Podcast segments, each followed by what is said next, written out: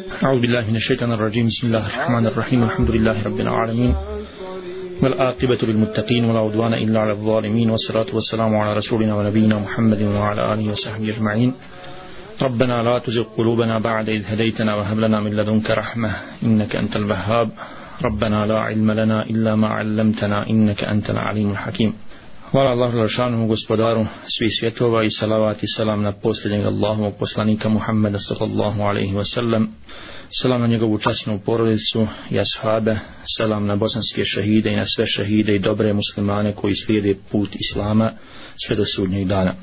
Zahvaljujem milosti vam gospodaru što imam priliku da noćas u danima sjećanja na genocid nad bošnjacima Srebrenice podsjetim sebe i vas na ono što se desilo u Srebrenici, Žepi i Goraždu kako bi iz tog događaja izvukli pouke i da se Srebrenica nikada više bošnjacima ne ponovi. U 11. smo godini od zvaničnog početka oružane agresije na Bosnu i Hercegovinu i Bošnjake, a ona je značila napad na međunarodno priznatu zemlju koja je imala pravo na samoodbranu po povelji Ujedinjenih nacija.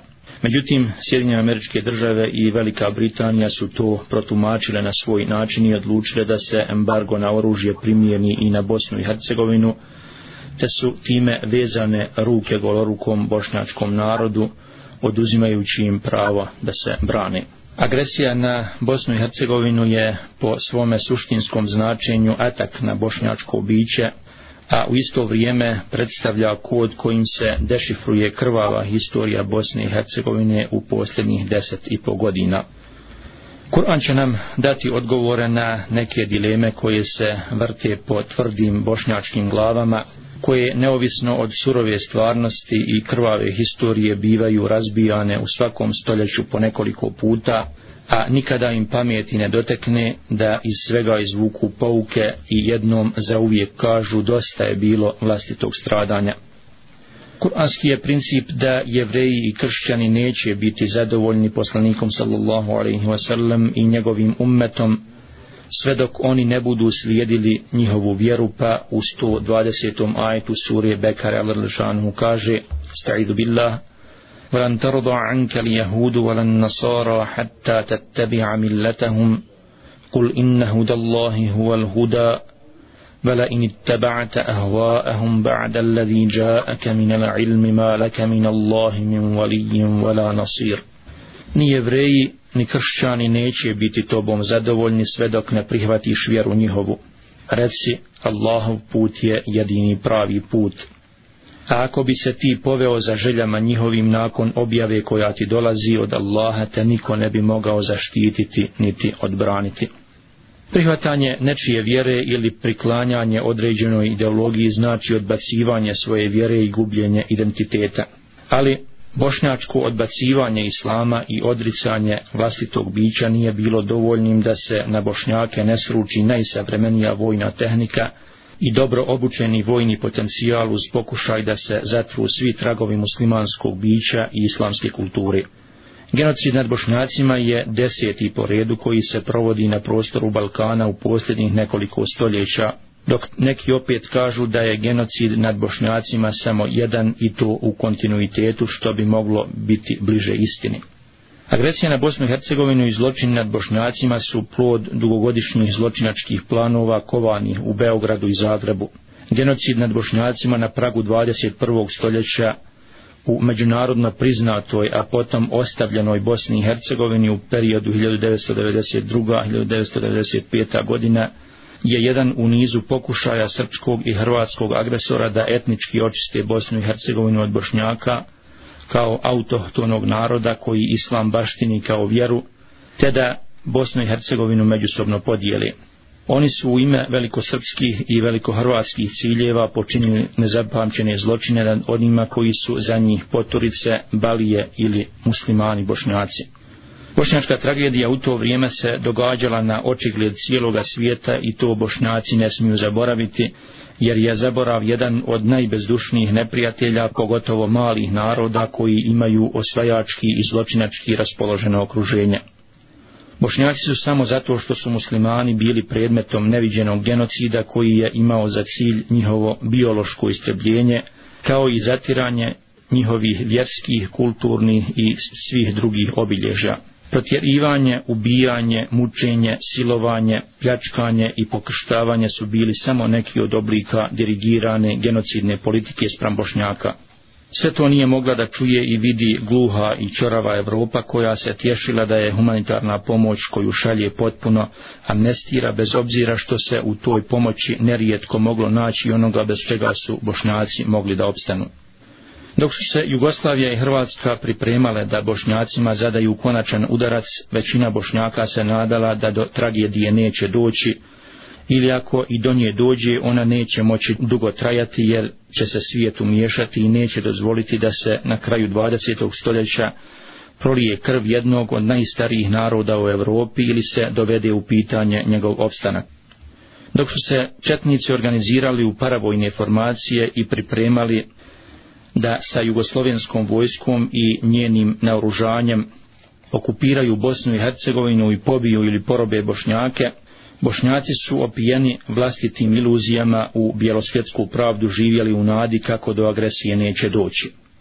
Dok su četnici oštrili kame, a domalo zatim justaše podmazivale topništvo, kako to oni kažu, Bošnjaci su mislili kako za zločin nema razloga i zbog toga su umjesto da se vojno organizuju i naoružavaju uglavnom kupovali po povoljnim kreditnim linijama, namještaj kućne aparate i auta što je uglavnom nakon toga bilo svakako opljačkano od strane onih koji su se pravili da ništa ne znaju i koji su govorili da će sve biti u redu.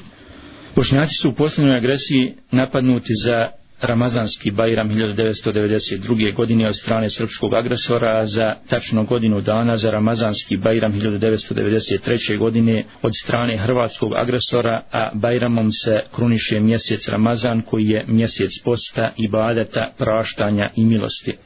Nije slučajno bošnjačko biće bilo napadnuto baš tada na dan u kojem se treba radovati, jer su na veselje u Evropi po svemu sudeći imali pravo samo nemuslimani. U Bosni i Hercegovini su se tokom agresije komadala ljudska tijela, duše, džamije, kuće, haremi, živa i neživa priroda, ali se samo zadugo nije mogla raskomadati muslimanska iluzija o pravdi svjetskih moćnika.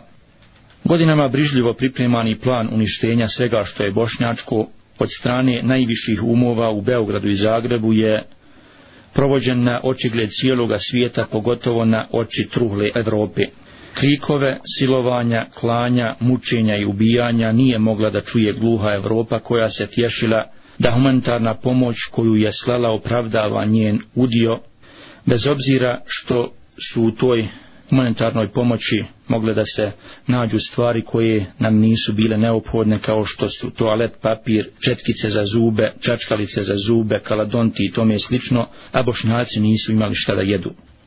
Imaju tri vrste ljudi kojima se ne odbija dova, bošnjaci pripadaju zasigurno jednoj od njih. Pa u hadisu koji navodi Tirmizija, hadis prenosi Abu Hureyre radijallahu anhu stoji da je poslanik sallahu alaihi wasallam rekao Thelatatun la turaddu da'avetuhum ima tri vrste ljudi ili tri su osobe kojima neće biti odbijena dova.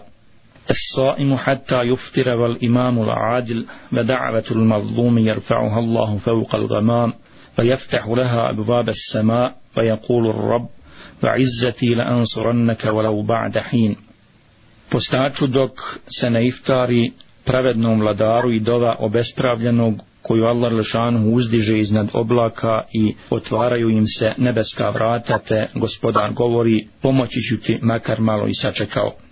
Nigdje srpski zločin nije bio tako brutalan kao u Srebrenici i Žepi, zonama koje su bile pod nadzorom holandskih i ukrajinskih snaga UN-a, mada su istini za volju bošnjaci prijedora preživili sličnu tragediju na početku agresije na Bosnu i Hercegovinu. U isto vrijeme četničke horde su svim silama pokušavale okupirati i slobodne teritorije Goražda, što im hvala Allah Lašanhu nije pošlo za rukom uz hrabri i herojski otpor boraca armije Republike Bosne i Hercegovine. Jedna od karakteristika neprijatelja Islama je neprekidna borba protiv muslimana kao što stoji u 217. ajetu sure Bekare. Sta'idu billah, vela yazaluna yuqatilunakum hatta yaruddukum an dinikum in istata'u ومن يرتد منكم عن دينه فيمت وهو كافر فأولئك حبطت أعمالهم في الدنيا والآخرة وأولئك أصحاب النار هم فيها خالدون Oni će se neprestano boriti protiv vas da vas odvrate od vjere vaše ako budu mogli, a oni među vama koji od vjere svoje otpadnu i kao nevjernici umru, njihova dijela bit će poništena i na ovom i na onom svijetu i oni će stanovnici džehennema biti, u njemu će vječno ostati. Od aprila 1992. godine do jula 1995. godine trajala je agonija uništenja Bošnjaka, njih oko 60.000 na prostoru Srebrenice, Žepe i Goražda, mjestima koja su nakon herojskih podviga i za neprijatelje neočekivanog otpora u periodu 1992-1993. pružili nezapamćen i neočekivan otpor. Aprila 1993. godine Srebrenica, Žepa i Goražde su e, proglašene zaštićenim zonama Ujedinjenih nacija, te su od toga momenta obavezu čuvanja toga prostora nakon razoružavanja Bošnjaka preuzele snage UN-a. Zadaću koja im je povjerena snage UN-a nisu ispunile i iste su bez ikakve dvojbe saučesnici u nezapamćenom zločinu. Srebrenica i Žepa su okupirane od strane jugoslovensko-srpskih zločinačkih jedinica i to na oči čitavog svijeta koji je to sve nijemo posmatrao, ne pokušavajući da bilo šta učini, osim da bez žrtava evakuiše vlastite snage, a jadnili su čuvari oni kojima su najvažnije njihove glave. Da li je to bila uvertira za već pripremljeni mirovni sporazum po kojem je prethodno trebalo očistiti anklave od Bošnjaka, kako bi Dejtonska Republika Srpska kao vještačka tvorevina i plod etničkog čišćenja činila jednu cijelinu. Samo u Srebrenici je za sedam dana, jula 1995. godine, ubijeno i odvedeno 10.748 ljudi, uglavnom muškaraca, a ostatak bošnjačkog stanovništva je protjeran. Sva imovina je opljačkana ili uništena. Velikosrpski agresor je tada u Srebrenici pobio hiljade muškaraca civila i zatrpao tijela ubijenih u masovne grobnice. Na stotine bošnjaka su srpski zločinci žive zakopali, a muškarce, žene i dječake su sakatili i klali. Punoljetni muškarci i muška djeca starija od 11 godina su odvođeni u okolna mjesta pod direktnom komandom zločinaca Ratka Mladića i Radoslava Krstića i bivali su ubijani.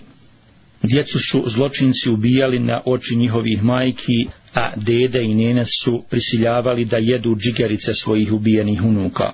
Zločinci su jednoj ženi odveli starijeg sina, a zatim su iz očevih ruku istrgli trogodišnjeg sinčića, zaklali ga, a potom prisilili majku da pije dječju krv. Silovali su žene, djevojke i djevojčice, a jednu djevojku je silovalo 15 četnika na očigled prisutnih bošnjaka. Srpske snage su u Srebrenici granatirale mjesta gdje je bila najveća koncentracija civila, upotrebljavajući zabranjeno hemijsko oružje, zapaljivu i dum-dum municiju i tako dalje. Samo u potočarima je ubijeno preko hiljadu i pol ljudi na očigled snaga UN-a. To je još samo jedan dodatni argument da je etničko očišćenje Bošnjaka Srebrenice dobro isplanirano, perfektno dirigirano i provedeno na očigled cijeloga bezdušnog svijeta ili pod supervizijom UN snaga. Protjerano je 30.000 ljudi, uglavnom žena i djece. Zašto je holandski bataljon predao Srbima 293 sposobna muškarca, kojima se poslije toga gubi svaki trag? Zašto su snage UN-a dale zločincu mladiću 30.000 litara goriva za prevoz zločinaca.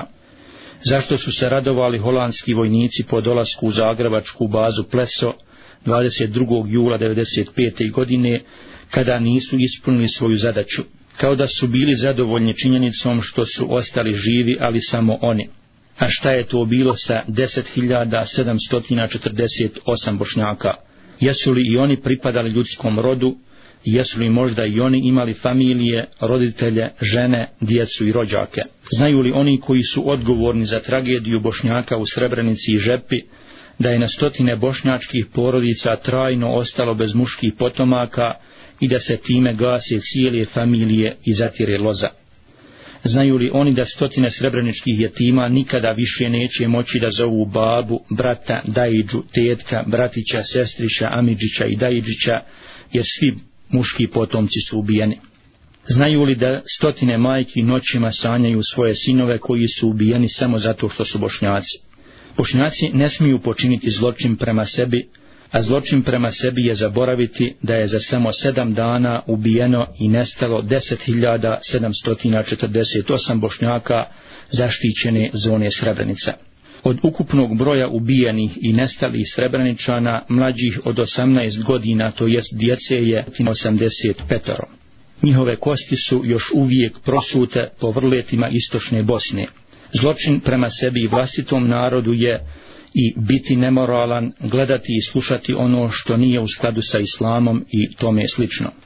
Na dan Srebrenice u Bijelom polju kod Mostara je bio pozvan da gostuje Miroslav Ilić da bi u toj noći, noći u kojoj su stradale hiljade bošnjaka Srebranice, nakon sedam godina tog stravičnog stradanja, Miroslav Ilić koji dolazi iz Jugoslavije je trebao da zabavlja bošnjake Mostara. Naravno, nakon, nakon reagiranja mjesnog imama e, i jedne grupe građana, taj koncert koji je bio planiran i dugo vremena najavljivan, on je odložen, odnosno nije se održao. Genocid nad bošnjacima u Srebrenici i Žepi je najveći u Evropi poslije drugog svjetskog rata i on simbolizira ukupno stradanje bošnjaka u protekloj agresiji neprijatelji Bosne i Hercegovine i Bošnjaka nikada ne odustaju od svojih zločinačkih ciljeva i njihove kame su uvijek dovoljno oštre da bi prerezale svaki bošnjački vrat.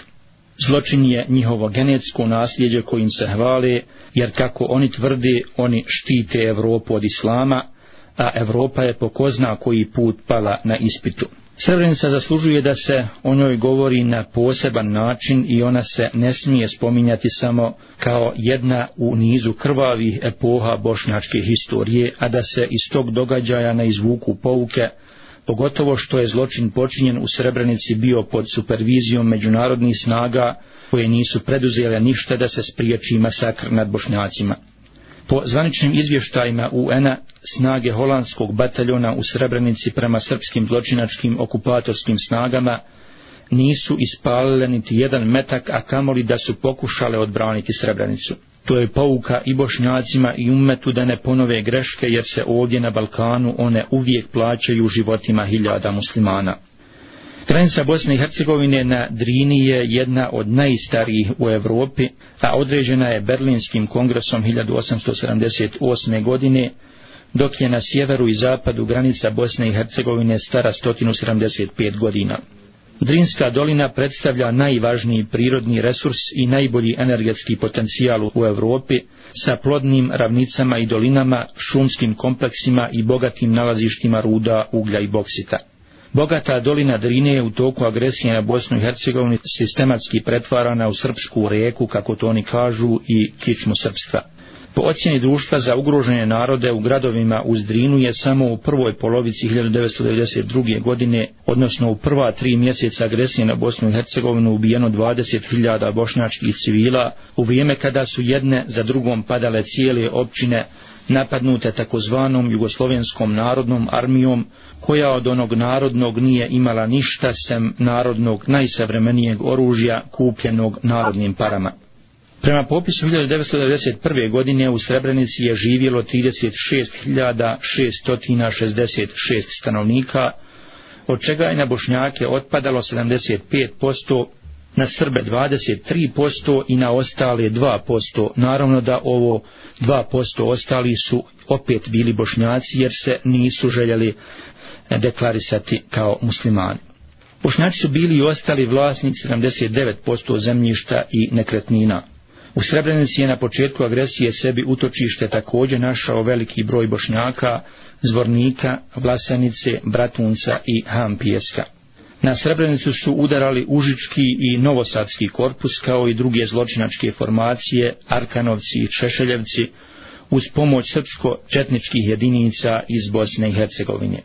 Primjenjivane su i druge metode specijalnog rata kao što su uskraćivanje napajanja vodom, spriječavanje dotura humanitarne pomoći, lijekova, energenata i drugog. Srbi su iz konvoja hrane odvajali što su željeli na prvom mjestu jesti u so, umjesto koje su srebreničanima slali industrijsku so kako bi im i na taj način ugrozili živote. Međunarodna zajednica je 1993. godine razoružala pripadnike armije Republike Bosne i Hercegovine u Srebrenici, Goraždu i Žepi i zaštitu zona predala snagama UN-a.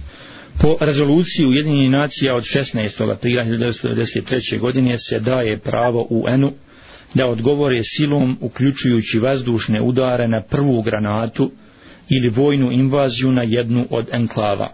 Nakon donošenja rezolucije 819 od 16. aprila 1993. godine, generalnom sekretaru UN-a, egipatskom koptu Butrosu Galiju su se nudile snage Malezije, Pakistana i Turske koje su željele da preuzmu kontrolu nad zaštićenim zonama, ali je taj zahtjev odbijen i zadatak je povjeren nesposobnim kanadskim, a potom holandskim snagama. Zaštićena zona Srebrenica je od tog momenta postala legalan logor za 42.000 Srebreničana i muhađira iz okolnih gradova koji su prethodno okupirani. Društvo za ugrožene narode je prije okupacije Srebrenice na 10 mjeseci upozoravalo na tešku situaciju u Srebrenici, tako da je 6. septembra 1994. godine izjavilo samo od 11. maja ubijeno je 80 ljudi i 130 ih je povrijeđeno. Humanitarna i zdravstvena situacija je katastrofalna. Manja sela su izložena neprestanom granatiranju, a isto društvo je 12. oktobra 1994. godine izjavilo da 4000 ljudi vegetira bez krova nad glavom, te da je 90% stanovništva Srebrenice pothranjeno i da nedostaju medikamenti. Društvo je 13. oktobra ukazalo na povećan broj pobačaja, zaraznih bolesti, samoubistava i na tešku psihičku situaciju. 18. oktobra je društvo kritiziralo pasivnost UN-a i tražilo da se pobrinu za izhranu i medicinsko zbrinjavanje.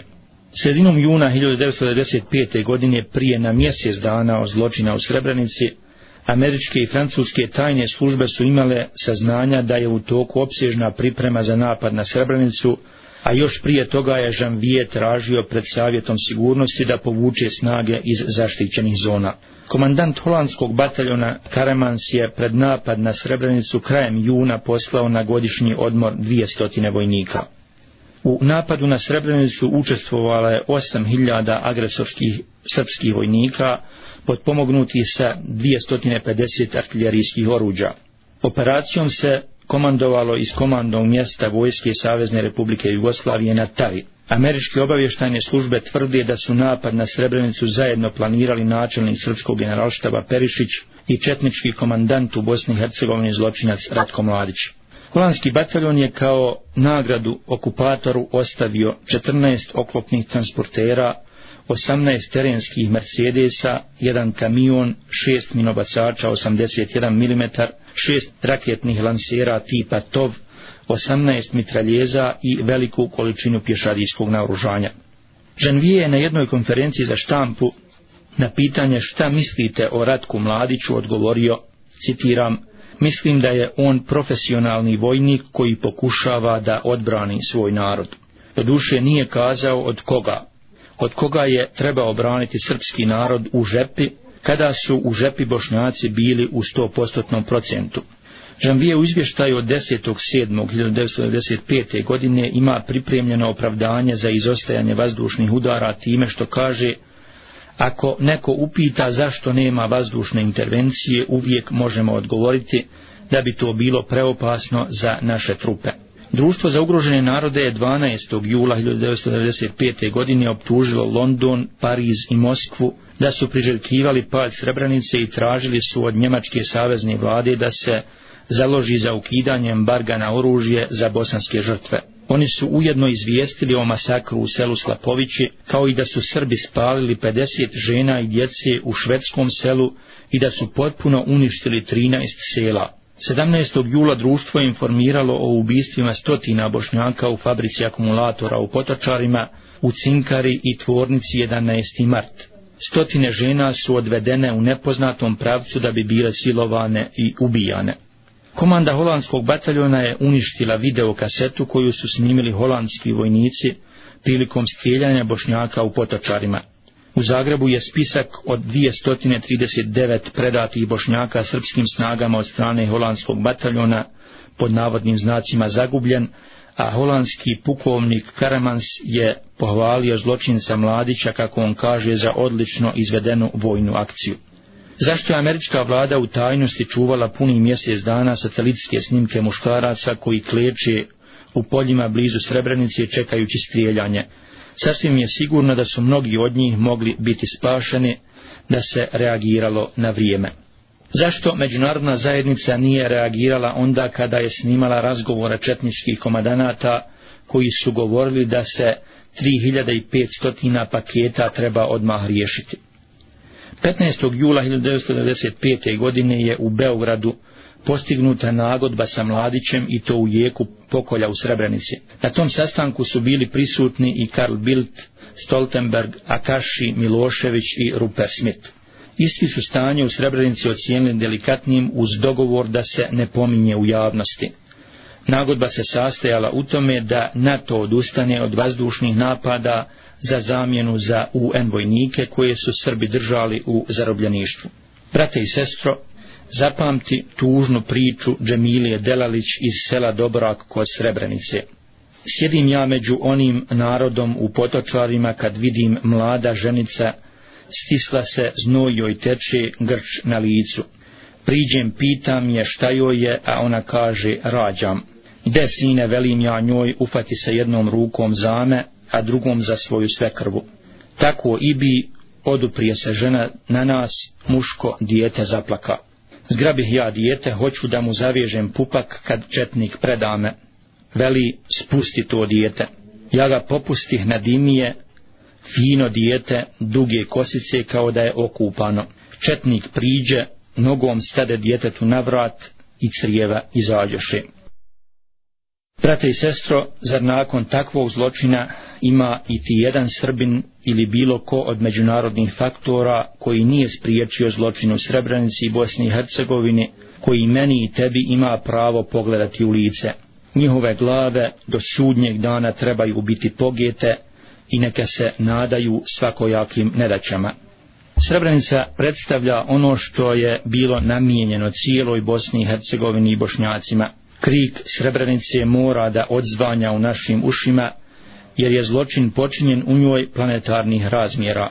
Jauci bespomoćnih civila, krici o beščašćenih srebreničkih žena, djevojaka i djevojčica, plač tek rođene i odmah ubijene djece, moraju biti urazani u memoriju bošnjačkog naroda. Haram bilo onima koji halale ili zaborave da je deset hiljada djece Srebrenice ostalo bez jednog ili oba roditelja. Haram bilo svima onima koji na muci Srebrenice kupe poene za sebe. Haram bilo svima onima koji su mogli, a nisu pomogli bošnjacima Srebrenice.